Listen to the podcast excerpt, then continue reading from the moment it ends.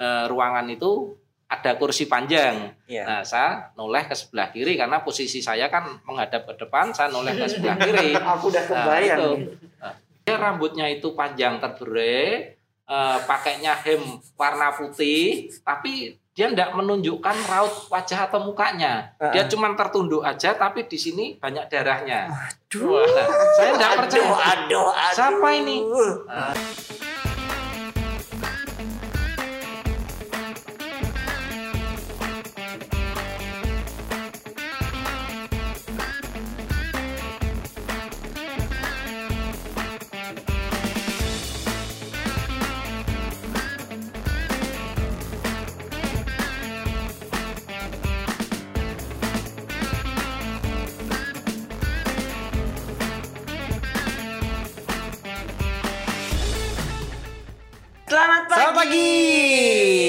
Semangat pagi semuanya, sobat semangat pagi Muardi. sobat Mardi, semangat siang untuk yang mendengarkan di Ya. siang hari dan selamat sore, selamat malam untuk yang mendengarkan di sore atau malam hari juga. Oke. Hari ini kita akan uh, menemani sobat Mardi semua masih Ya. di program terbaru kita yaitu apa? News Positif. Ya. Podcast, Sehat, sehat solutif. Ya. Bersama saya Ferry Gresiana dan Saya Bius Yoga tentunya akan menemani sobat Muardi semuanya eh, pada pagi hari ini. Ya, ini karena Ya. pagi ini tentunya eh, cuaca juga sangat cerah sekali di luar sana. Pagi hari ini kita juga akan eh, banyak topik dan materi yang akan kita bahas. Tentunya tidak lepas eh, dari eh, solusi tentang kesehatan. Betul. Nah, masih nggak jauh-jauh dari episode pertama Ya. kita kemarin. Kalau kita kemarin masih uh, kita membahas tentang Covid. berhadapan dengan, Dengan jenazah jenazah. COVID. Nah, yang episode kali ini Ya. nggak jauh-jauh dari perjenazahan gitu ya. Tentunya tidak lepas dari forensik ya. Iya Oke. betul. Karena apa di Ya. hadapan saya mungkin bisa di switch ke kamera. Ya, kita udah kedatangan tamu pada pagi hari ini Ada Dokter Novianto Adinugros, sarjana hukum, MSc, spesialis forensik dan medical legal. Panjang gitu Ya. ya. Dan- Dokter Novianto atau nama bekennya nih kita panggil dengan dokter Nonot. Masih menemani kita, kemarin juga menemani kita, ini masih ditemani masih ditemani ya. juga. Oke. Selain tidak Dr. lupa. Nonot juga ada Ada juga teman eh, kita juga dari eh, bagian forensik yaitu Mas Yitno. Yeay, selamat datang Selamat datang Mas Mas Yitno. Suprayitno. Nah, nanti ini siapa sih? Eh, Ya. Sobat Mardi pasti penasaran gitu kan? Ya, Yang jelas kita nggak menghadirkan jenazah ya. Ya, aman, hari aman. Nggak ya. nggak bawa kan dok? Nggak bawa jenazah nih ya Mas ya? Aman ya? Kita ngomongin eh, tentang perjenazahan. Ya. Nah, kita mau oke. ngulik-ngulik eh, kalau di Sobat Mardi mungkin pernah mendengar gitu kan atau pernah melihat film, menonton film gitu ya Ya. tentang eh, dokter-dokter di rumah sakit yang eh, spesialis penyakit dalam. Tapi bukan yang penyakit dalam biasa, spesialis penyakit, Penyakit dalam dalam kubur. kubur. mantap sekali. Alias Ya, eh, yang eh, bersentuhan langsung dengan eh, jenazah ya. tentunya. jenazah atau mungkin eh, yang Pasien-pasien yang mayat-mayat sudah gitu ya. meninggal dan Iya. mayat. Dan eh, kebanyakan sih masyarakat eh, kalau misalnya sudah mendengar ruang jenazah itu sedikit spooky ya. Spooky, Iya. merinding, gitu ya. disco. betul betul betul ya. Nah makanya kalau misalnya iya, padahal di eh, rumah sakit Dr. Muardi itu kamar jenazahnya warnanya pink loh. Masa sih? Pink Kau baru tahu loh Iya, gambarnya pink. iya. Itu bukan klinik anak kan? Bener ya? Iya benar. Saya perlu studi banding ya besok Harus kita harus harus datang ya. Ini kayaknya langsung nanya aja sama eh, Ya. yang empunya gitu ya. Oke. Dan eh, untuk yang pertama ini sebenarnya eh, banyak sekali eh, dok Eh, untuk masyarakat itu mungkin eh, belum tahu sebenarnya eh, ada apa sih yang ada di kamar jenazah dan bagaimana sih sebenarnya forensik itu apa banyak Iya, yang belum betul. tahu. Iya, Nah, belum tahu kalau ya. dokter spesialis eh, penyakit dalam mungkin sudah sering mendengar spesialis anak, Ya. spesialis paru. Nah, Ya. kalau yang spesialis forensik tuh ngapain sih dok gitu kerjanya Ya, gitu. Oke, langsung aja dok. bisa Ya. Dokter eh, Nonot ya bisa Dokter Nonot. menceritakan, Bisa menceritakan. sekilas. Hmm. Iya, iya. Tentang forensik ya. Ya, jadi kalau eh, forensik yang jelas dokternya beda dari yang lainnya. Yang jelas eh, nggak bisa buka praktek di rumah ya Oh. jelas. kalau praktek di rumah nanti bahaya ngotong-ngotong Jenazah. nggak bisa bayangin. Oke. Iya. Ya. Jadi forensik sendiri eh, dari kata keilmuan ya yang Ya. berdasarkan eh, yang biasanya bersinggungan sama yang namanya hukum. Oke. Ya, Oh, foren- lebih ke forensik hukum ya, ya, for- kan eh, lebih ke spesifik ke kedokteran forensik. Kan ada juga IT forensik, Oke. ekonomi forensik. Tapi kalau yang dia ada di Rumah Sakit Dr. Muarti adalah kedokteran forensik. Ya. Ya, jadi kalau kedokteran forensik ya berarti ya sama juga berhubungan sama hukum yang biasanya eh, mati atau yang berpenyakit Hmm. yang tidak hanya sekedar mati saja, tapi harus eh, butuh suatu informasi tambahan. Ya, apakah itu matinya wajar atau tidak wajar? Nah ini nih Ya. seru nih mulai begini nih. Yang Mati yang wajar gimana ya? ya. Ya. Kita lanjut ya. ya, kalau mati yang wajar jelas itu biasanya yang ada di bangsa rumah sakit terus meninggal berarti kan Jelas ya karena Sudah penyakit ya tahu, dok. ya. Oke, bedanya itu ya. Jadi Ya. kalau mati wajar berarti dia eh, melewati eh, pemeriksaan pelayanan kesehatan di rumah sakit dan dinyatakan meninggal. Ya. Ya. Oke.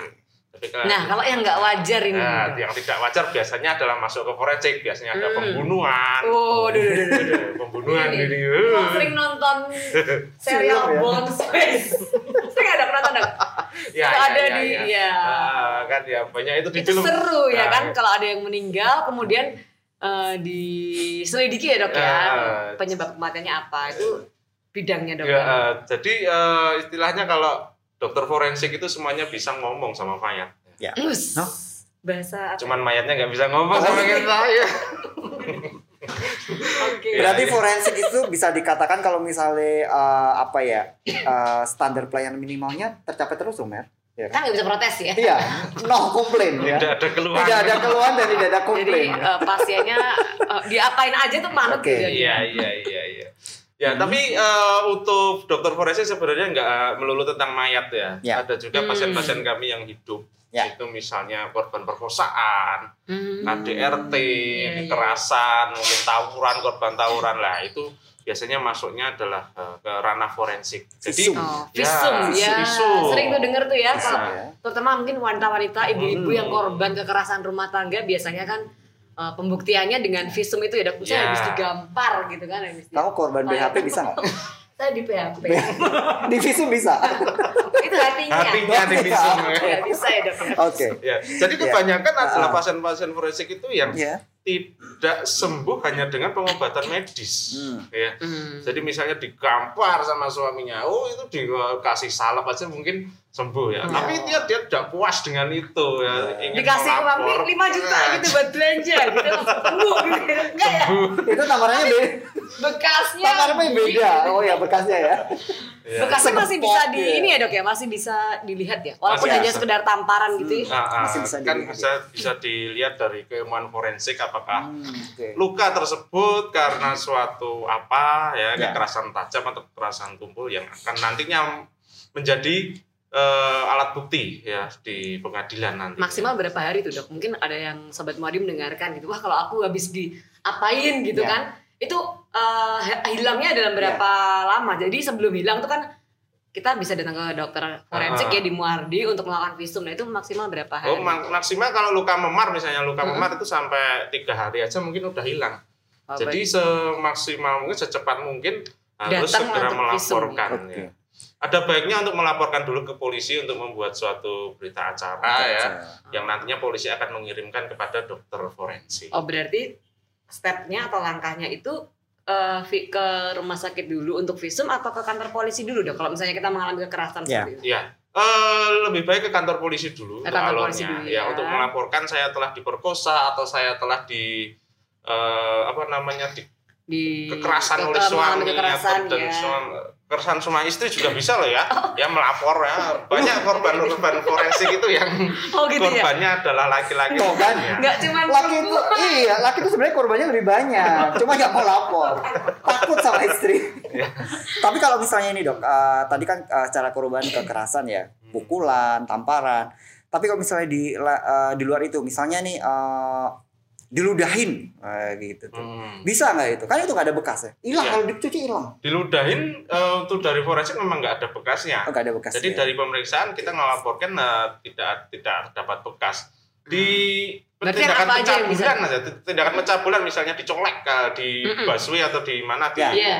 Itu juga nggak bisa nggak kan bisa nggak ya. ada Oh. juga buktinya mungkin ada saksi Berarti biasanya yang bisa terlihat di visum gitu apa aja dok? Misalnya luka tadi tamparan Ah, gitu bisa ya dok? ya? bisa Ada tamparan bekasnya ada gitu ya? bekasnya dalam eh, tubuh manusia Oke. Kalau tamparan berarti cuma ini merah doang gitu kan? ya merah nanti Sampai- nah, maksudnya luka memar Oh gitu. Hmm. Wa- Walaupun nggak sampai memar masih bisa kelihatan dok. Misalnya pelan gitu kekuatan.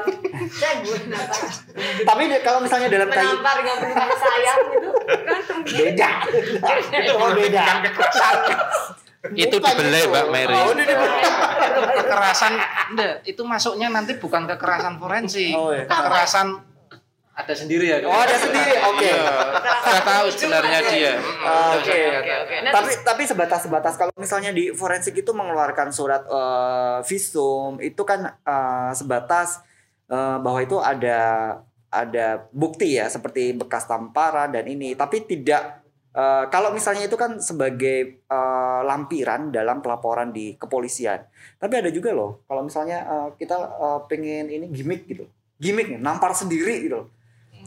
Ada juga loh. Nah, nanti mungkin dari kepolisian yang akan Iya, membuktikan ya betul. kesaksian-kesaksian pasti ada juga saksi-saksi dibutuhkan. Jadi nggak cuma sekedar hasil visum gitu ya dok ya. ya Nah itu Ya. mungkin nanti ranahnya kita undang dari narasumber Ini dari baru visum ya, visum ya. Ini baru visum. Nah. Oh juga mau nanya-nanya ini dok. Eh, untuk saya pernah gitu kan eh, membaca di media sosial gitu. Ya. Eh, ada yang ini nih.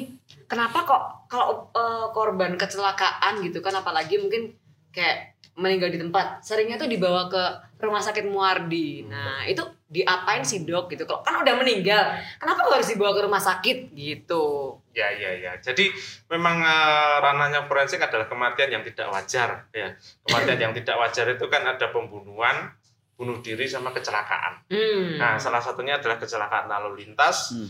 yang kita selidiki kan karena itu ke, kita periksa karena itu kematian yang tidak wajar.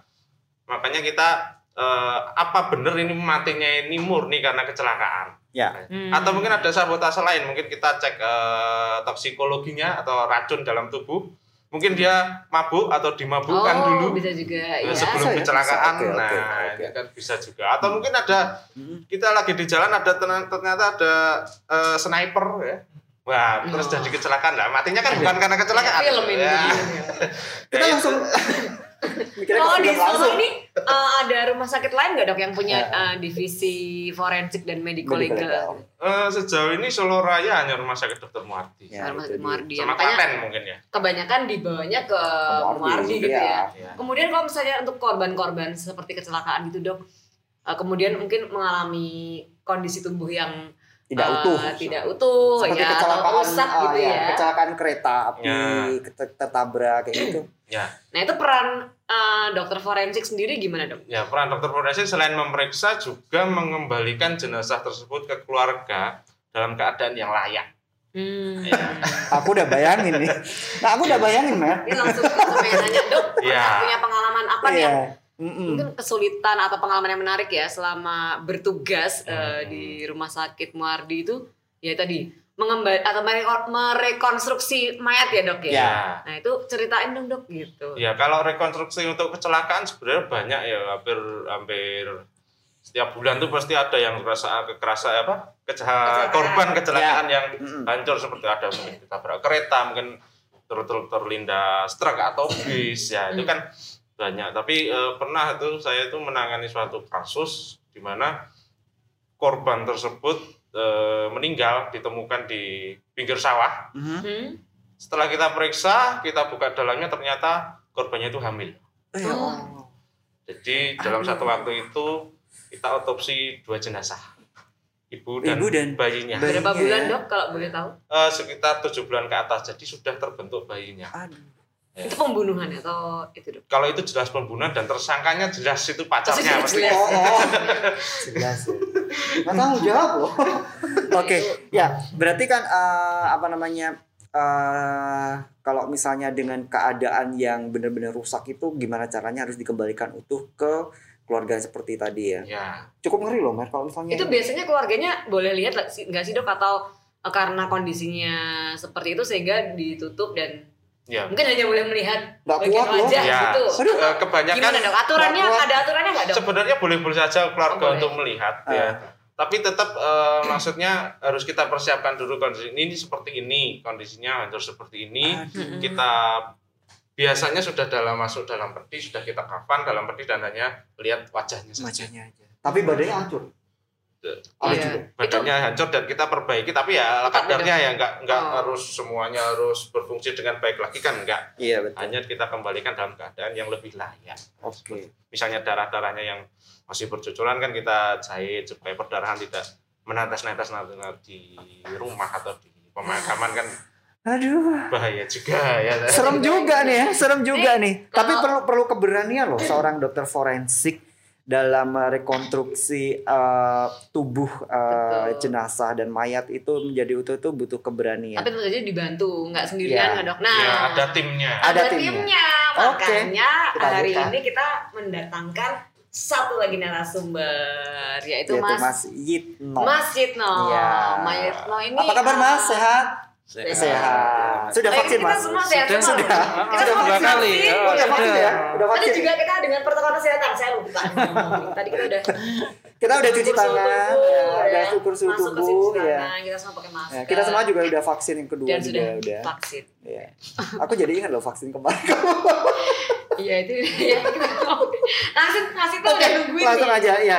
Ya, baik. Apa nih Mas Yitno? Ya, eh, kebetulan eh, pagi hari ini kita udah kedatangan Mas Yitno ini. Tentunya Mas Yitno ini eh, Siapakah Mas Yitno? Nah, siapakah sih Mas Yitno Sobat? Muardi kan penasaran. Dia udah punya pengalaman banyak banget ya di bidang eh, nanti pemulasaran jenazah. Nanti akan diceritain deh pengalaman beliau itu eh, di kamar jenazah itu sampai bantu rekonstruksi menjahit-jahit itu seperti apa. Nah, Cukup ngeri ya. Tapi kita dengarkan dulu biar nanti iya, masyarakat Mas biar lebih paham. Iya. Ya, ya, biar lebih paham bagaimana sih eh, di forensik itu seperti apa. Ya, baik Mas Yitno, eh, mungkin bisa diperkenalkan terlebih dahulu nih Mas Yitno ini ya. Oke, silakan Mas Yitno. Ya, Selamat pagi Mas Yus sama Siap. Mbak Mary ya. Tentunya sobat Muarti semuanya, ya. Selamat pagi menjelang siang ya. Ini sudah siang ini sebenarnya. Mulainya dari pagi tapi ya, tidak apa-apa. Itu pasien-pasiennya nggak disapa Mas? Pasiennya sudah dia dengarkan sendiri di belakang saya itu sebenarnya gitu. Ini ternyata yang nonton ada Oh, seribu ada, orang. iya ini banyak banget yang ikut. Nah, Tapi untungnya dia nggak bawa souvenir. oh. Bawa souvenir peti ke sini repot lagi. Ya, silakan Mas. Oke, ye, selamat pagi. Tadi Ya. menjelang siang untuk sobat Muarti semuanya. Saya dari Ma Yitno ya, dari petugas pelum pemulasara jenazah yang ada di Muarti Solo. Ya. Eh, Nah, Sudah ini- berapa lama Mas? Sudah berapa lama di di bagian Dari forensik? sejak tahun 2005 Mas Yus. kirain dari lahir. Oh, enggak, dari lahir. Waduh, salah nanti. Terlahir 2005 loh. 2005 sampai sekarang. Ini udah 2005 berapa sampai tahun sekarang. Eh, hitung ya, berarti sudah 10 tahun lebih 10 ya tahun itu. Heeh, 10 tahun Bersahabat lebih dengan Ya. kita berkecimpung dan bersahabat dengan hal-hal seperti itu. Sejak dari pertama masuk ke Muardi sudah di forensik Mas sebelumnya Nah, dulu saya masuk Muarti tahun 2000, tahun 2000 ya, itu. tahun 2000. Ya, muter Muter tadi ya. dulu pernah di informasi bagian depan. Oh. Terus dipindahkan Nah, lagi ini saya ke nanya nih, kenapa Oh. kok tiba-tiba Langsung tertarik nih? Nah, Maksudnya tertarik di forensik ya. gini Ini, ceritanya gitu. gini tuh Mbak Mary dulu kan kalau yang mengambil yang lain seperti yang kerjaan-kerjaan yang lain sebagai PUK ya kan dulu juga pernah saya sebagai PUK Hmm. di informasi juga pernah di bagian rawat jalan saya di lantai dua juga pernah Pengalamannya Ya kan? pengalaman. Nah, Pengalaman saya banyak. pikir gini itu kalau yang di seperti itu kan banyak juga temannya ya kan Hmm. saya pingin suatu hal yang mungkin itu beda Menantang. Oh. menantang benar itu ya, bekerja lah, mainstream. Oke. Waktu itu kan kebetulan yang di bagian penjaga ruang jenazah kan belum ada. Hmm. Nah, itu akhirnya saya terus dipanggil oleh tim apa dari kepegawaian. Nah, saya matur. Saya ingin bekerja di bidang yang lain yang kira-kira menantang. Lah di situlah langsung Oh, Benar, kamu benar. berani, mau, nggak usah pakai Uji besok-besok. ya? Iya, langsung Kita semua, besoknya. ya. Oh, itu. Padahal itu kalau misalnya pegawai-pegawai dapat SK di situ sudah Ya, kayak keringetan, iya kayak jadi sudah bubuk gitu stres ya. loh, bener loh. Benar, stres. itu di tahun-tahun itu memang tidak ada yang mau dan tidak ada yang berani. Baru Mas Sitno. Dulu ada temen itu yang namanya Mas Beni, ya Oh, kan? Mas Beni, Ah, ya. Mungkin kalau Ah. jenengan sudah anu itu Mas Beni. Mas Tapi kan Beni, waktu ya. itu kan belum dibuka sampai 24 jam juga buka belum ya kan. Hmm. Mungkin kalau pas ada jenazah dia mau dititipkan baru mungkin Mas Beninya itu yang bukakan itu. Lah dari situlah saya menemani beliau Mm-mm. ya kan terus akhirnya bertambah bertambah lagi eh, menjadi dua sip itu Oke. dari pagi terus terakhir itu kan jam 9 malam dua Iya. sip terus kita ajukan bertambah lagi menjadi tiga sip sampai Sekarang sekarang, udah ini. banyak temennya. Udah banyak ya. Mas masih Iya. ingat nggak ya mana pasien pertama yang ditangani? kan back backgroundnya kan bukan ini ya, backgroundnya kan tadinya sempat di Dia di mana-mana informasi, ya, di informasi, di Tiba-tiba sekarang di ah, kamar mayat. Nah, Langsung di kamar dulu. Masih mayat. ingat nggak pertama kali mayat yang ditangani ini Mas eh, tolong ah, dimandikan masih ya? ingat ya itu dulu kan Masih. kalau di ruang jenazah itu kan belum ada yang namanya pendingin jenazah ya kan atau Hmm, kulkasnya kan belum ada gitu ya. freezernya Hmm. belum Iya, ada waktu iya, itu iya. jadi ada batu dong. wah belum dah itu cuma ditaruh di kotak biasa di kayak meja Oh ya. ya itu di meja waktu itu pertama kali ada kasus tenggelam ya kan Oh. yang dikirim ke Muardi tapi Iya. kan waktu itu belum berupa forensik seperti sekarang Nah, Hmm. kita terima karena itu tidak ada keluarganya, jadi ditaruh di tempat meja biasa itu. Mhm. Sampai berapa hari karena itu ndak ada tempat mendinginnya, akhirnya kan ya juga pembusuk di situ. Hmm. Waduh. Itu Nah, sampai ini baunya itu ke mana-mana salah lah itu. Satu yang membuat orang Nah. kadang-kadang ki enggan ya, enggan Iya. bertugas di Mm-mm. bidang ini Iya, itu itu salah satunya itu. yaitu jadi resiko-resiko seperti tadi ya eh, mayat itu kan pasti satu kali 24 jam sudah mengalami Sudah mulai pembusukan pembusukan. ya, Dok? Ya. Bakteri, Nah, virus Betul. pastinya. Itu pasti bau dan rentan ini ya. Apa? Penularan penyakit juga dong. Penyakit. berarti Iya. kan? Rentan penyakit juga ya, Dok? Betul ya, Dok? Iya, bisa Oke. mengeluarkan. Mungkin Bisa dokter menyebabkan Nonat eh, bisa menceritakan sedikit proses ini sih jenazah membusuk gitu ya sampai istilahnya biasanya kan dari meninggal. Oh, iya. Kenapa sih harus ada yang berapa hari gitu loh. buru-buru di harus Iya, dimakamkan? harus cepat-cepat Tapi gitu. juga ada yang bisa loh sampai kalau di tradisi-tradisi eh, mungkin di eh, tradisi kepercayaan yang lain itu ada Iya. yang sampai sampai dua Seminggu. minggu ya. bisa gitu. Nunggu Di- saudara datang dulu biasanya Iya. gitu loh. Sehari dua hari. Itu Ya. gimana dok teknisnya dok? Ya, sebenarnya untuk proses pembusukan dari manusia normal adalah eh, 24 jam pertama setelah kematian itu sudah membusuk, sudah proses pembusukan. Hmm. Ya, sudah mulai proses pembusukan dari yang awalnya ada tanda di di perut ya, di perut Apa, udah eh, bakteri ya, bakteri yang berkembang di, di Kelihatan nggak dok secara Jadi perutnya itu secara fisik mungkin mata. bisa Eh, kelihatan Kembung gitu. kembung gitu ya. warna dulu. Kalau Oh. 24 ta- jam pertama itu warna dulu berubah menjadi agak menghijau gitu di kulit perut? di kulit perut bagian kanan Aduh. kanan Oh. eh, kanan dan kiri kanannya karena Ya. apa nih dok? karena di situ adalah Ada bakterinya tadi. eh, ada bakteri yang di situ penumpukan Oh. di, namanya sekum itu Hmm. untuk di pembusukan. Dan setelah itu Hmm. eh, lanjut ke 24 jam berikutnya biasanya sudah ada belatung-belatung yang datang. Kalau yang kendaraan itu dok yang kadang keluar keluar ininya? Keluar keluar Cairan cairan ya keluar keluar cairan dari- keluar cairan dari perut. Dan itu itu salah satu proses pembusukan yang 24 jam tadi oh sudah jadi selain keluar hijau eh, warna di bagian perut Mm-mm. biasanya juga mengeluarkan cairan ya itu Ya. berbahaya nggak sih dok sebenarnya berbahaya kalau misalnya jenazah tersebut infeksius Oh, Oh. oke. Nah. seperti pasien covid Ya, contohnya ya COVID, makanya ya. pasien covid tidak boleh eh, dimakamkan lebih dari 24 24 jam jam, ya. karena ada kan Hmm. karena secara alamiah tuh jenazah akan Dia akan mengeluarkan cairan, cairan dan akan ini ya. Berarti seperti eh, berarti bisa jadi aerosol juga kan? Nah, kalau aerosol kan berarti kan ada tindakan, misalnya ada dibalik apa gimana kan ada eh, apa namanya udara yang keluar dari itu kayak misalnya udara yang keluar dari yang dibalik jenazah dibalik itu juga kadang bisa mengeluarkan Oh, iya? angin dari bawah, Oh ya. ya. Oh, baru masih tahu. bisa itu ya Nah, jadi kan Flatus. Senda, Ya, yes, sendawa flatus. gitu. sendawa Flatus. itu bahasa latinnya ini itu adalah gas pembusukan kan yang keluar. Oke. Nah, ya itu yang akan menjadi eh, apa namanya aerosol tadi atau Bunyi juga itu flatusnya. bunyinya. Wah itu, itu yang kita bunyinya takut ya. Lo bener loh. Yes. Oke, kita Oh, pengalaman bener. lagi. Balik ke Mas Itno ya kan. Nah, Oke, tadi udah selesai nih dokter Sudah. Nona. ya. Udah ya. Jadi setelah jenazah seperti itu, nah ini kalau Mas itu tuh yang bener-bener ini sendiri ya, langsung menangani. menangani. menangani seperti itu. Nah, Iya. Mas Itno tadi kan kita bahas tentang eh, jenazah-jenazah itu yang sudah tidak utuh lagi. Mm-mm. Nah, pernah nggak Mas Yitno itu mungkin sama teman-teman di forensik itu eh, apa ya merekonstruksi jenazah-jenazah yang eh, tidak utuh? Karena kemarin itu eh, beberapa kali saya ketemu dengan Mas Benny juga.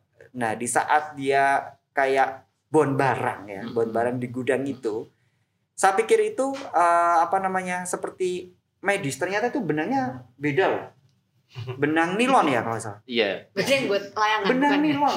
Karena Bukan. untuk yang buat apa itu? Mancing. Meteran. Hmm, Enggak, itu. apalagi Kalau di tukang bangunan itu ada Oh. tuh apa itu? benang lawe. Nah, Iya. penur, penur beda lagi. Kalau benang lawe. beda, Mas. be- oh, beda Iya, ya? benang lawe itu yang untuk kasur. kompor, sumbu kompor lah itu tuh benang lawe. Ya. Ya, itu. Terus yang kedua itu kemarin saya pikir pas eh, kebetulan aku yang eh, nyusun tarifnya untuk Hmm. BHP-nya itu Mary. Jadi kemarin itu saya kaget, Mas ini benangnya apa? Nilon. Saya pikir nilon oh, benang kayak jahit biasa itu ternyata beda. Dan jarumnya itu ternyata jarumnya gede banget. Tang. Karena sudah meninggal Iya, itu lebih gede. ini ya. Oke. Apa? Lebih alat Kita- gitu atau iya. gimana? Silakan. Ya, oke.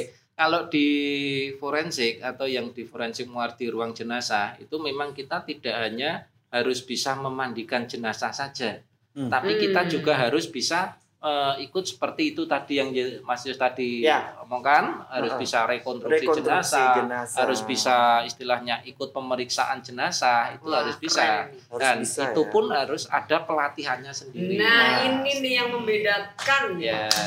tenaga forensik di rumah sakit nggak dengan- cuman Iya. mandiin mayat, tetapi Iya. punya skill-skill lain yang memang khusus ya Harus. dimiliki oleh petugas Betul, pemulasaran jenazah. Yaitu Betul. tadi apa aja mas? Eh, Merekonstruksi. seperti merekonstruksi Rekonstruksi jenazah. jenazah. Kita juga harus bisa membantu pemeriksaan dari dokter forensik itu tadi. Iya, betul. Sebelum dokternya datang kita harus memberitahu Wah, dan alat biasa. apa saja yang harus kita siapkan kita Luar juga biasa. harus tahu. Oke. Jadi ibaratnya kita sebagai teknisi forensik ada itu. Teknik si forensiknya Teknisi ada. forensik kalau jenengan nanti mungkin pernah dengar teman-teman yang mungkin ada di forensik forensik Ya. Indonesia kita Hmm. punya istilahnya kalau dokter forensik kan ada sendiri Hmm. Persatuan Dokter Forensik Indonesia, Ya. Persatuan Dokter Penyakit Dalam Ya, ada Indonesia. perhimpunannya. Ya, Ya. kalau Nah, kita ada sendiri, ada itu Apa mas? Ikatan Teknisi Forensik Indonesia. Hmm. Itu kita satu Indonesia memang. Hmm. Eh, tapi emang ada itu benar. Ada. Oh, ada. Nah, itu dulu kita ibaratnya kayak sekolahnya memang di Jakarta waktu itu di UI. UI itu kan Hmm. ikutnya waktu itu forensiknya kan di di RSCM. Oke. Itu. Nah, Ada. terus pengalaman selama menjadi teknisi forensik ya, eh, kesulitan apa mas yang paling ketika merekonstruksi mayat misalnya, Ya. paling sulit Paling sulit. pengalamannya tuh Hmm. apa nih? Nah, ini tadi seperti yang sudah disampaikan tadi di depan, seperti mungkin kasus-kasus kecelakaan kereta api. Kereta api, ya. ya. Kalau kereta api kan kita sendiri tidak bisa bayangkan ya, kena anginnya saja sudah seperti itu. Wah, Apalagi apalagi kita dari depannya lah itu. Kesenggol Memang rodanya, wah kan? itu. Rodanya tuh banyak banget soalnya. gitu. Kalau roda mobil jelas gitu ya. Iya. Satu sisi dua, kalau Iya. roda kereta bayangin aja. nggak bisa ngerem loh soalnya. Oh, nggak Dengan- bisa. Iya, dia Ada udah ngadang di depan gitu masa nggak bisa direm tuh. Itu niat kalau itu. Makanya kereta api tuh mempunyai undang-undang khusus bahwa dia tuh nggak boleh ada penghalangnya. Iya, itu itu betul, semua betul. apa jalan yang khusus seperti Mm-mm. itu. Nah pengalaman yang masih yang paling sulit nih, maksudnya Hmm. bener-bener merekonstruksinya paling sulit tuh apa yang pernah dialami? Ya, itu tadi ya. Kalau kita rekonstruksinya kalau cuman kayak kasus kecelakaan eh, katakan di lalu lintas ibaratnya mungkin ada luka robeknya atau parahnya kan tidak begitu Hmm. ya kan Eh, tapi kalau kita menangani dalam satu kasus istilahnya laka kereta Mhm. api nah itu wah itu yang paling sulit Memang paling sulit kereta iya, api ya? iya betul karena kan mungkin posisi dari si korban atau jenazah itu sendiri sudah tidak utuh ya kan Hmm. mungkin dari ini perutnya sudah Aduh. terberai semuanya Hmm. terus dari kaki mungkin dia lari ke sana lari ke sini nah memang tujuannya tadi sudah disampaikan sama oleh dokter Nonot ada benarnya Iya. jadi kita menyerahkan kepada keluarga dalam bentuk istilahnya Keadaan sudah utuh. rapi. Sudah Kalau rapi. istilahnya kita kembalikan seperti semula pada anunya kita tidak mungkin bisa, bisa, ya. ya kan. Nah. Itu kita kembalikan. Hanya dijahit ya dihubungkan Iya, begitu. betul. Ya. Kita hubungkan. Nah, itu tadi seperti Mas Yus tadi, Hmm. ada temennya yang ngebon pakai jarum ini. Iya, Nah, benar. Iya. Jarum itu sebenarnya bisa dibedakan jadi beberapa ada jarum luar, jarum dalam. Oh, ya gitu. kan? Itu yang disambung memang hanya organ luar Organ. sampai organ misalnya tadi ya perut gitu kan. Hmm, betul. Perut putus ya. situ Tangan Ah. kaki, hanya kaki. kulitnya di luar atau Nah, sampai gini, dalam mungkin dalamnya juga. kalau ada organ tubuh yang keluar seperti mungkin usus terburuai keluar, kita masukkan dulu aja. Mungkin kita tidak bisa menata, oh ini tempatnya seperti ini, oh ini seperti nggak Ini- mungkin kan? Nah, Keluar gitu. yang mendengarkan tolong jangan sambil makan. Ini Iya, sambil makan. Jangan sambil makan. Aku sudah. Bener, aku udah mual duluan. Nah, itu tetap kita Aduh. masukkan semuanya. Nah, kita masukkan walaupun tidak pada posisi yang sebenarnya. Yang penting kita masukkan Ya. semuanya, baru nanti dari luar itu Oke. kita jahit pakai bola itu tadi. Pakai benang nilon Betul, tadi ya. Mm, karena Biar kuat ya. mm, kalau jenazah kan yang penting kan ininya bisa menyatu aja, Oke. Uh, bisa menyatu. Jadi nanti kalau diterima keluarga sudah dalam Keadaan. keadaan rapi. Itu tadi. Sebenarnya kok misalnya mengenali jenazah, biasanya kok misalnya jenazah hanyut, ya kan, yang hanyut yang sudah berhari-hari kemudian tuh bentuknya Wah sudah ya, wajah dikenal. biasanya menggelembung ya, menggelembung besar Ah, gitu. Kita bisa nggak sih membantu misalnya menemukan identitas Mr. X biasanya Ah, gitu. Mr. X atau Biasanya siapa diidentikan sebagai Mr. X gitu. Gimana, Kalau Dok? eh, proses identifikasi nam- masuknya ke identifikasi forensik ya, itu juga ranahnya daripada medical forensik, kedokteran Hmm. forensik ya. Oke. Untuk identifikasi kita bisa pakai eh, tiga ada tiga identifikasi primer yang menempel di tubuh kita, yaitu adalah DNA, ya. Hmm. Hmm. Eh, DNA terus ada gigi, Oke. sama yang satunya adalah sidik jari itu Sidik yang jari. paling gampang biasanya untuk sidik jari sidik jari masuknya adalah dermatoglifi ya jadi Hmm. gambaran daripada kulit Hmm. itu ada sebenarnya nggak ada sidik jari aja tapi ada sidik jari kaki itu juga Hmm. beda-beda tiap orang Oh ada. Sidik Ah, jari kaki ada. sidik jari kaki itu beda-beda tiap orang dan tidak pernah untuk sidik jari itu tidak pernah berganti dari lahir sampai Wah, meninggal biasa. Bener. Keajaiban Tuhan. Keajaiban. Nah, Cuma itu. satu berarti ya. Padahal ada Diciptakan satu identitas. manusia, Iya. jadi berbeda-beda. Berbeda cuma satu identitas itu doang. Mm-mm. terus ada juga sidik bibir itu juga beda-beda Wah, itu bahaya ya. Ya, jangan Nih, sembarangan Mbak Mary ini. Bukan hanya sulam bibir loh, Mer. Sidik bibir ada ternyata. Berarti harus buktinya pernah mengecup apa gitu ya. Kacau. Kalau di Gary kan kita pernah. Iya. gitu kan. Iya. langsung dibibirin Ada gini. laporan di Mas. Yus, Iya. hati-hati loh ya nanti kalau ngecium istrinya Ah, gitu. meninggalkan jejak di Meninggalkan ya. jejak. Ah, Oke. Identifikasi. Identifikasi. Cuman yang punya Hmm. database-nya adalah sidik jari tangan ya untuk Iya. kepolisian ya. Iya, betul. sidik jari kaki sama sidik bibir belum ada. Belum ada Kalau sekali. gigi berarti eh, kalau korbannya Susunan belum pernah ya, belum. Iya. pernah ronsen ini Mm-mm. Jadi untuk eh, Panoramik identifikasi itu gigi gimana? harusnya adalah dari panoramik. kalau yang kalau yang Kalau hanya yang gambaran punya, ya. gigi itu bukan identifikasi primer. Hmm. Jadi bisa harus harus punya. Tapi cum- cuma harus di punya Indonesia- historinya berarti, harus punya Mm-mm, pemeriksaan harus. sebelumnya Eh, ya. Itu untuk di negara-negara maju mungkin sudah banyak yang punya ya untuk identifikasi dari primer itu ya karena itu diperbarui tiap enam bulan sekali. Nah, wajib itu. ya. Nah, ah. Oke. Sedangkan di Indonesia em, medical check up aja kita ada yang maksudnya ya berapa tahun sekali Betul. atau mungkin malah nggak pernah ya gitu. Sama sekali loh. gitu. Iya. Dan itu sangat membantu ya dok, sangat Iya. membantu dokter saat. Betul betul betul. Oke. Eh, ini mungkin tadi kita sudah bahas banyak banget dokter. Eh, ini terbesit tadi saya sempat kepikiran ini. Eh, proses autopsi. Nah ini proses autopsi. Biasanya kan proses autopsi itu eh, ada beberapa yang mungkin eh, yang baru meninggal atau korban pembunuhan dan lain mungkin langsung bisa dilakukan. Tapi kalau misalnya sampai ada nggak pengalaman itu sampai bongkar kubur? Hmm. ya bongkar kubur padahal eh, proses otopsi itu kan misalnya apakah dia kena benda tumpul atau mungkin eh, diracun itu bagaimana dok Ya. Jadi untuk proses otopsi ya di forensik itu memang tidak ada gawat daruratan ya. Tidak ada tindakan yang harus disegerakan. oke Hmm. Tapi semakin kita menunda suatu pemeriksaan, itu akan hasil yang kita dapatkan akan semakin bias, bukan bius ya. Oh, akan semakin siap. hilang untuk bukti-buktinya ya.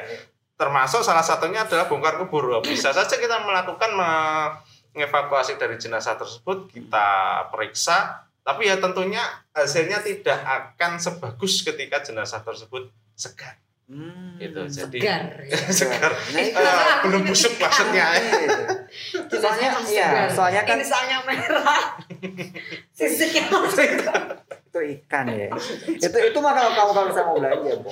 Eh, lukanya masih baru. Lukanya Ya, masih baru, Jadi ya. belum ah Oke. besok aja, besok aja. Ya. Semakin lama menunda, luka Iya. itu akan semakin hilang, semakin Hasilnya sulit kita untuk ya. menentukan Ya, hasilnya itu. kematiannya. Penyebabnya Tadi seperti apa itu Tadi sulit. kita udah bicara masalah teknis-teknis Ya. gitu ya. Nah, padahal kalau forensik itu eh identik juga tadi Bi. Yang bikin merinding-merinding itu loh Bi. Oh iya benar. Nah, Ya itu. Tapi eh, eh, ini tapi- yang bikin agak penasaran. kalau aku penasarannya cuma satu aja sih. Saya mau bi- eh, saya mau eh, nanya sama Mas Yitno ini. Hmm. Eh, pasti kan eh, Mas Yitno sama teman-teman itu kan ada proses eh, memandikan, Mas. Ya kan? Betul, betul. Kalau misalnya korbannya itu nah umur-umur 20 tahun. Waduh. Cewek. Nah ini Waduh. Kan Sekalian dong nanya. ini nanti Apakah- saya jawabnya gimana ini? Iya, ini. ini ya. Ini tak jawab serius apa enggak lah ini? Pertanyaan saya itu nanti. Ini ini kan apa ada SOP-nya Iya, betul. Ada nah, kalau SOP-nya. memandikan jenazah itu apakah harus sesuai dengan jenis kelamin? Karena Betul. kemarin sempat heboh loh masih Mm, ingat betul, nggak iya. ya di ada yang sampai dilaporkan gitu. Iya, Karena itu sebenarnya. SOP-nya sendiri gimana? Seperti Nah, apa sih? gini, Nah, kalau untuk yang di Muardi Iya. itu ya selama ini, kalau seandainya kita yang jaga kemungkinan satu sipnya itu cowok semua atau laki-laki, tidak ada perempuannya dan eh, mungkin ada istilahnya jenazah yang meninggal itu cewek atau perempuan. Mm-mm. Nah, dia ingin dimandikan di Muardi atau di ruang jenazahnya itu. Hmm. Nah, kita sampaikan pada keluarga.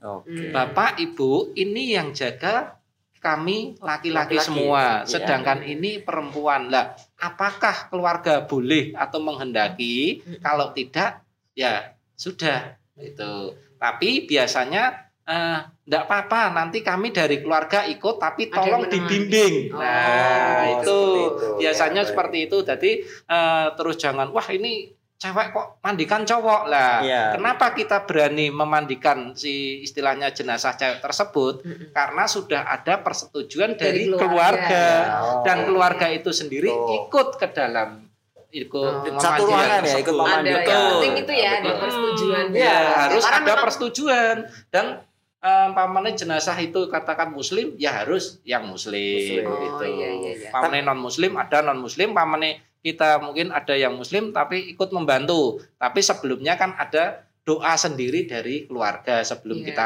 kerjakan gitu. Jadi di Muardi cukup lengkap ya. Iya. walaupun memang Untuk petugasnya ya. Mm-mm. petugasnya ya lengkap ya. Karena gini, Perempuan ada. Eh, pasien kita yang ada di ruang jenazah beda dengan pasien-pasien yang ada di ruangan perawatan seperti mungkin di bangsal itu beda. Hmm, Bedanya ya. kenapa? Kalau pasien yang ada di kita itu yang menjadi pasien itu bukan jenazahnya, tapi keluarganya. Oke. Oh, Jadi tidak mungkin kan kita menanya pada jenazah, eh bapak eh, maunya apa? Tidak mungkin kan? Nah itu Oke, tadi Ya kan? loh. Ya. pasiennya nggak bisa komplain Nggak tapi bisa. keluarganya. sekarang gini, Jadi yang kita tanya siapa?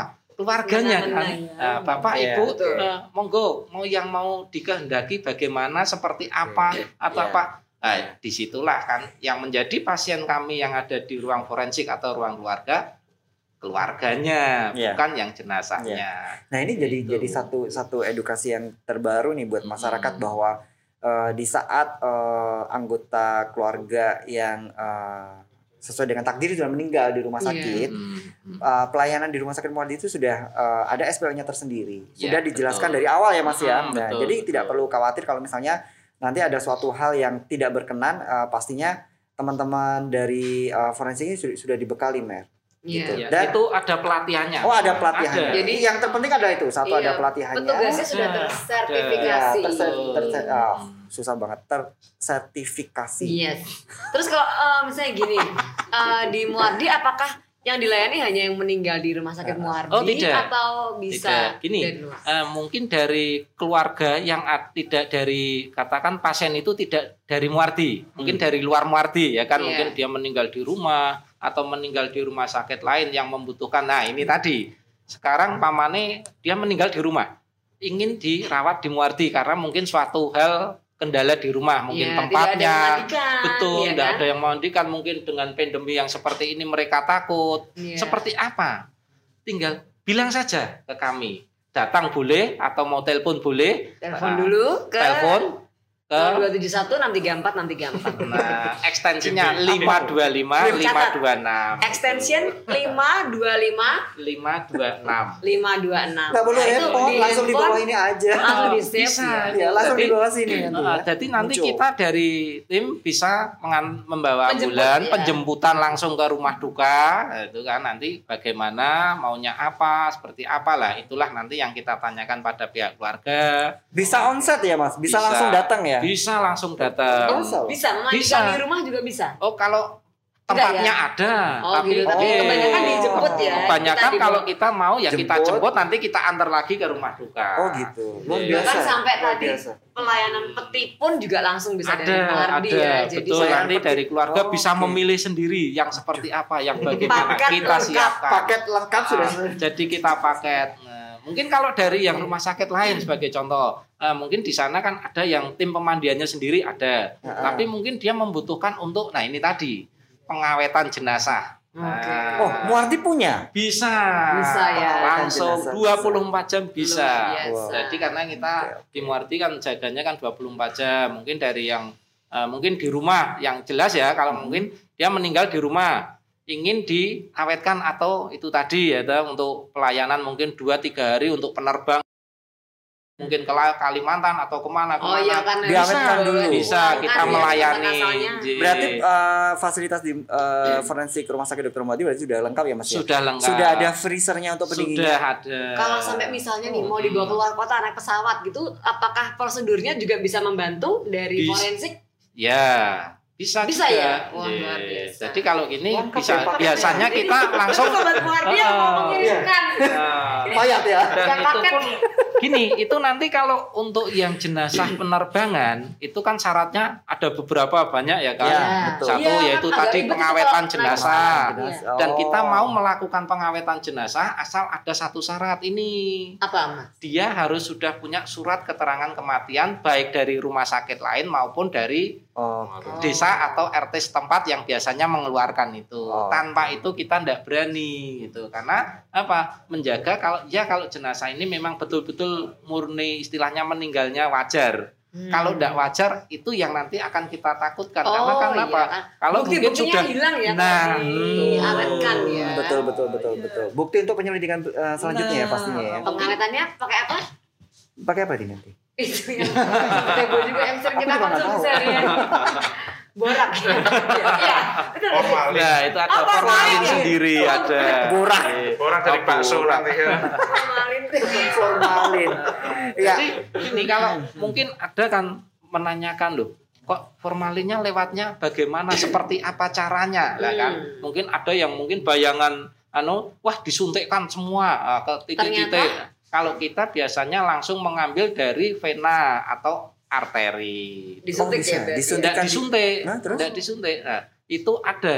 Nah, nanti bisa tanya langsung diterangkan oleh Oh. dokter Nonot. Wah. boleh. Ternyata Langsung ditanyakan aja ya. Rumah sakit Dr. Muardi. Kan kalau orang meninggal sudah berhenti kan dok aliran Iya. darahnya gitu. Iya. Itu benar bisa bisa dong Ya, disuntik. ya sama eh, disuntikkan tapi dalam jumlah yang banyak istilahnya. Langsung digelonggong gitu. Ya, digelonggong tapi pelan-pelan. gitu. Venanya dari dari tangan atau dari mana? Dari paha. Oh dari paha, femur. Paha, femur. Jadi di eh, apa diinjeksi eh, itu benar-benar Kita langsung. kita anu dulu, kita apa namanya kita sedikit belah ya. Mm-mm. Sedikit belah lalu kita cari untuk aliran darahnya Oke. ke vena Mm-mm. lalu kita masukkan. Oke. Yang nantinya istilahnya kalau formalin itu kan membunuh untuk bakteri pembusukan yang ada di dalam tubuh. Oh intinya membunuh Iya, supaya dia membunuh. nggak membusuk Tidak gitu ada ya. pembusukan. ya. Nah, jadi bukannya mencegah pembusukan, enggak, tapi hanya menunda, Menunda pembusukan. Oke. Tetap Oke. aja dia membusuk, cuman ini dalam ya. waktu yang lebih lama. Oke. Tapi kalau gitu dia bisa menularkan gitu?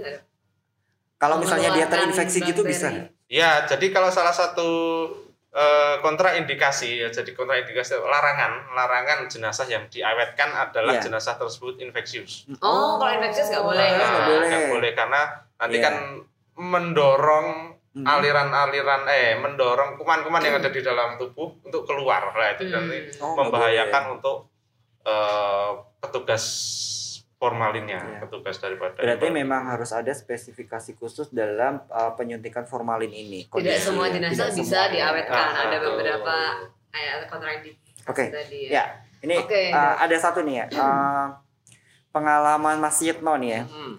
Selama ini sudah bertahun-tahun udah lebih dari 10 tahun. Ya lebih ini 2005 ini 2000 berapa? Satu 2001. ya? Ah, Mau 2021. 2002 ya. Punya pengalaman nggak Mas? Uh, Mas Yitno ini di ruangan saat jaga itu dihantui. Nah, ini. Spiritual gitu Iya. ya. Jadi Ini gini ya. kan yang Iya, ditunggu-tunggu gitu. ini Atau enggak takut tiba-tiba Ah, ada yang langsung ngucapin terima kasih Kak di film-film horor Indonesia itu. atau uh, brand karir Ada yang gitu. gitu Iya. gitu ada nggak sih gitu saya sih untung kerja di rumah sakit beberapa tahun ini belum pernah sih jangan sih jangan jangan sampai. Ada nggak Mas? Silakan. Ya, gini ya. Kalau Nah. kita bicara ke hal itu, ya itu sih sebenarnya percaya ndak percaya, hmm. ya kan? Tapi kalau eh, istilahnya yang berhubungan dengan hal-hal atau tempat seperti itu, apalagi di ruang jenazah, Iya. forensik, Heeh. tempatnya orang mati wajar dan mati tidak wajar, itu otomatis pasti ada. Waduh. Hmm. Itu pasti ada. Sekarang gini. otomatis pasti ada Otomatis Pasti ada. Saya lewat situ loh Ya, ada. Aku sering Cuman situ. Heeh, coba nah, jenengan bisa melihat banyak di situ. Ini tuh Oh, mesti aduh. ada. Nah, ini ada satu pengalaman Nah, Jadi yang nah, sampai ini sekarang saya masih ingat. Kebetulan waktu itu kan pas kasus kecelakaan cewek. Oke. Hmm. Cewek lah itu waktu itu kita terima itu malam sekitar jam 12 tapi waktu itu masih di atas ya belum belum di tempat yang yang forensik baru sekarang, sekarang, yang lama ya Ah, mas yang, ya? yang lama itu Oh, waktu oke. di atas yang di Ah. melati satu itu kan yang Iya. sebelahnya lah itu. Iya. heeh. Hmm. itu kita terima tapi kebetulan waktu itu kan saya tidak membuka langsung istilahnya penutup atau kantong jenazahnya Heeh. begitu saya terima saya masukkan saya taruh di tempat yang seperti biasanya untuk naruh itu kan Heeh. ada meja sendiri Heeh. nah itu udah sudah surat-surat semuanya sudah penyidik atau polisinya dia kembali saya keluar duduk di luar di depan pintu itu kan ada kursi nah Iya. kebetulan ah saya jam 12 ngapo itu saya kan duduk sendiri Iya. tapi waktu itu di dalam eh, ruangan itu ada kursi panjang Iya. Nah, saya noleh ke sebelah kiri karena posisi saya kan menghadap ke depan, saya noleh ke sebelah kiri. Aku udah Nah, kebayang. itu. nih. Nah, agak kaget juga. Loh, si, bentar, siapa aku gitu. Wah, Nggak percaya kan? Ah, ah. Saya tak liatin lagi. Jadi dia rambutnya itu panjang terbere, eh, pakainya hem warna putih, tapi dia tidak menunjukkan raut wajah atau mukanya. Ah, Dia cuma tertunduk aja, tapi di sini banyak darahnya. Aduh. Wah, saya tidak percaya. Aduh, aduh, aduh. Siapa ini? Nah, gitu toh. Lah akhirnya saya noleh ke kanan kiri, tidak ada orang. Mm-mm. Saya noleh lagi itu, dia tidak ada. Heeh. Saking penasarannya saya, masuk lagi lah ke ruangan tersebut. Iya. Tak buka kan, oh, siapa tadi tidak ada. Heeh. Tak buka. Nah kaget saya di situ loh, kok rambut sama pakaiannya sama seperti mbak yang tadi di luar? Dengan rasa ya sedikit takut juga ya kan, ya. rasa sedikit takut juga tak tutup saya lari keluar aja nah, itu itu sampai itu sama sih inget sampai sekarang ada yang minta ditemani loh mas Oh. Dia minta Itu, ditemani ya. Oh. ya ya saya lari aja kayak gitu ya kan minta temenin dah yang lain aja lah kan, gitu tapi saya malam itu enggak cerita sama teman-teman Oh, baru besoknya pagi saya cerita itu tapi kira-kira teman-teman tuh juga sering nggak nih uh, mas ngalamin setahu penyakit- jenengan iya. Teman-teman sempat cerita. nggak? pengalaman kemungkinannya ya tetap sering aja ya tapi mereka ini kan jarang yang cerita gitu loh. Oh. Biasanya saya pindah beberapa tempat itu banyak pengalaman pengalaman pasti ada Iya. Heeh, itu mungkin kalau udah biasa ya mas ya ya akhirnya dari setelah itu saya belajar ah sudah biasa karena mungkin tempat ini kan identik dengan Iya. Iya. mereka Iya, tempat betul. tinggalnya mereka kan Nah, Betul, betul. dulu waktu di belakang juga gitu jam 12 malam tapi kenapa kejadian itu setelah sekitar jam 12 malam jam 1 itu kenapa lah itu kenapa enggak sore-sore saya kan banyak temennya lah kan kenapa kok dia mesti jam 12 malam Dia milihnya sendiri. Oh, ya. Dia itu. milihnya sendiri. Tapi- tapi ya, benar. Oke. Hah. teman-teman Iya. itu tidur waktu itu ada satu sip sama saya tuh Mbak Novi namanya bisa Oh iya, Mbak Novi ya. Nah, Mbak Novi tahu, Ya, tahu. kan mah- pas di, di belakang kan sekarang udah pindah di belakang ruang jenazahnya saya lihat TV pakai kursi panjang yang coklat itu kan Ya, ada heeh. Nah, saya ngadep ke TV dah saya noleh ke luar masuk lagi noleh ke depan saya lihat TV lagi tapi tiba-tiba keran air di kamar mandi itu nyala sendiri Aduh. iya bener itu lah selang setengah jam saya punya pikiran ya kan ah mungkin teman saya yang tidur tadi mungkin di kamar mandi ya Iya. kan Oke. sudah setengah jam lebih kok enggak Keluar-keluar. keluar-keluar lah ini keran air ini ngalir sendiri ya kan saya penasaran tak cari. Ini tadi temenku ke mana? Tidur. Masih tidur di dalam. Lah terus yang di kamar mandi siapa? Saya keluar ke kamar mandi. Keran itu ngalir tak matiin. Itu cuman berdua tok saya sama mbaknya itu.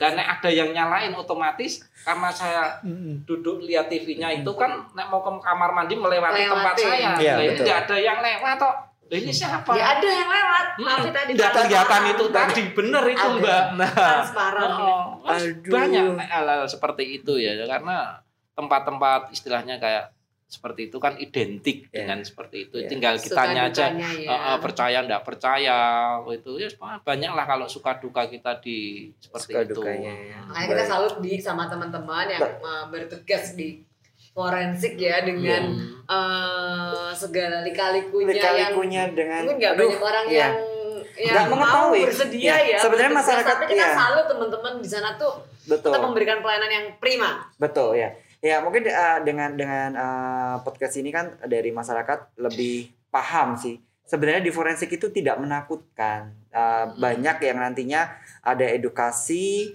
yang nantinya akan dikasih pengertian seperti apa prosesnya. Jadi uh, mungkin identik kalau misalnya orang meninggal itu menakutkan. Ternyata uh, nggak semenakutkan ya mungkin kalau misalnya orang itu benar-benar sadar gitu loh. Sadar akan uh, bagaimana sih proses dari uh, pelayanan kesehatan kita sampai pasien itu meninggal dan bagaimana setelah meninggalnya itu prosesnya untuk ke keluarganya bagaimana kita pasti akan berikan edukasi gitu Mer. Betul. Nah, jadi sobat Muardi mungkin uh, Ya. dari obrolan kita yang Hmm. Kurang lebih 30 menit ya, 30 menit lebih ini semoga mendapat banyak manfaat. Ya, betul. Uh, mungkin yang belum pernah atau yang mungkin saat ini sedang belajar tentang kedokteran ya, siapa tahu ada yang tertarik gitu kan ya.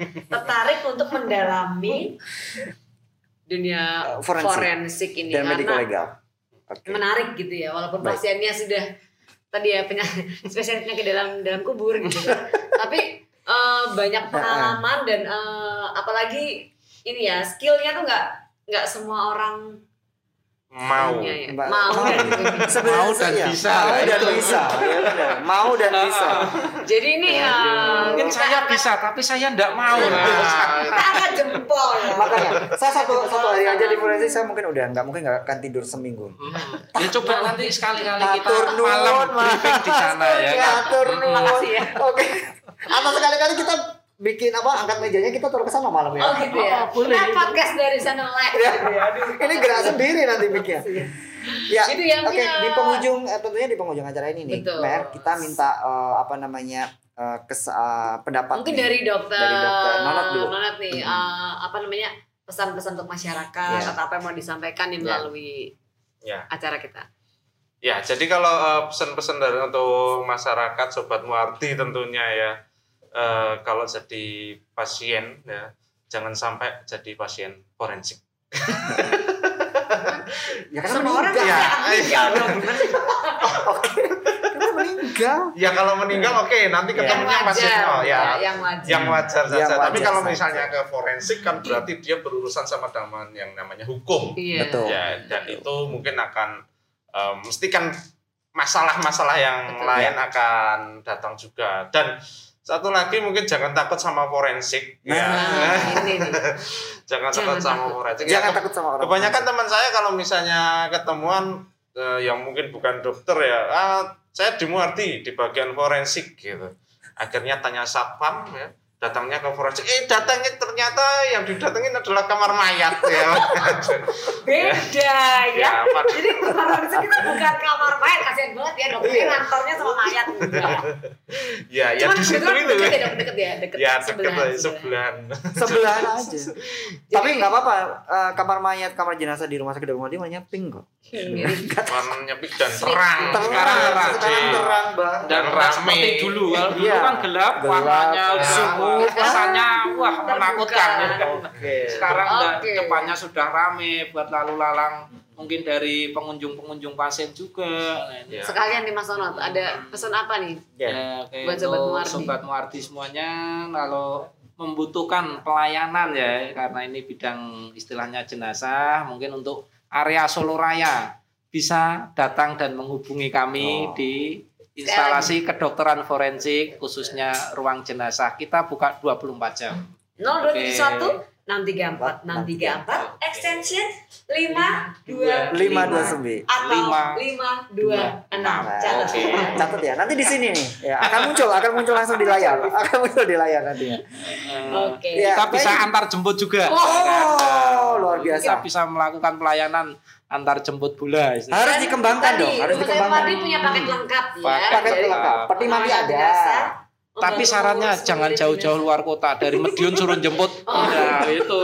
Oh, Nanti iya. terus Mungkin- semuanya, wah ini saya dari Medion tolong dijemput. Oke. Lah yo. Solo Raya. Solo ini Raya baru Solo saja. Oke siap Jadi yang bisa kita jangkau tidak terlalu jauh waktunya, Ya. tidak terlalu Siap. lama ya gitu. oke Bisa langsung diantar ke kami juga ke sana Hmm. atau mungkin kalau armada belum ada bisa minta tolong ke kami untuk menjemput yang jelas nanti alamat dan ininya jelas. Oh. Syukur-syukur nanti ada keluarga yang datang ke kami Hmm. baik mungkin pagi, siang dalam. maupun malam.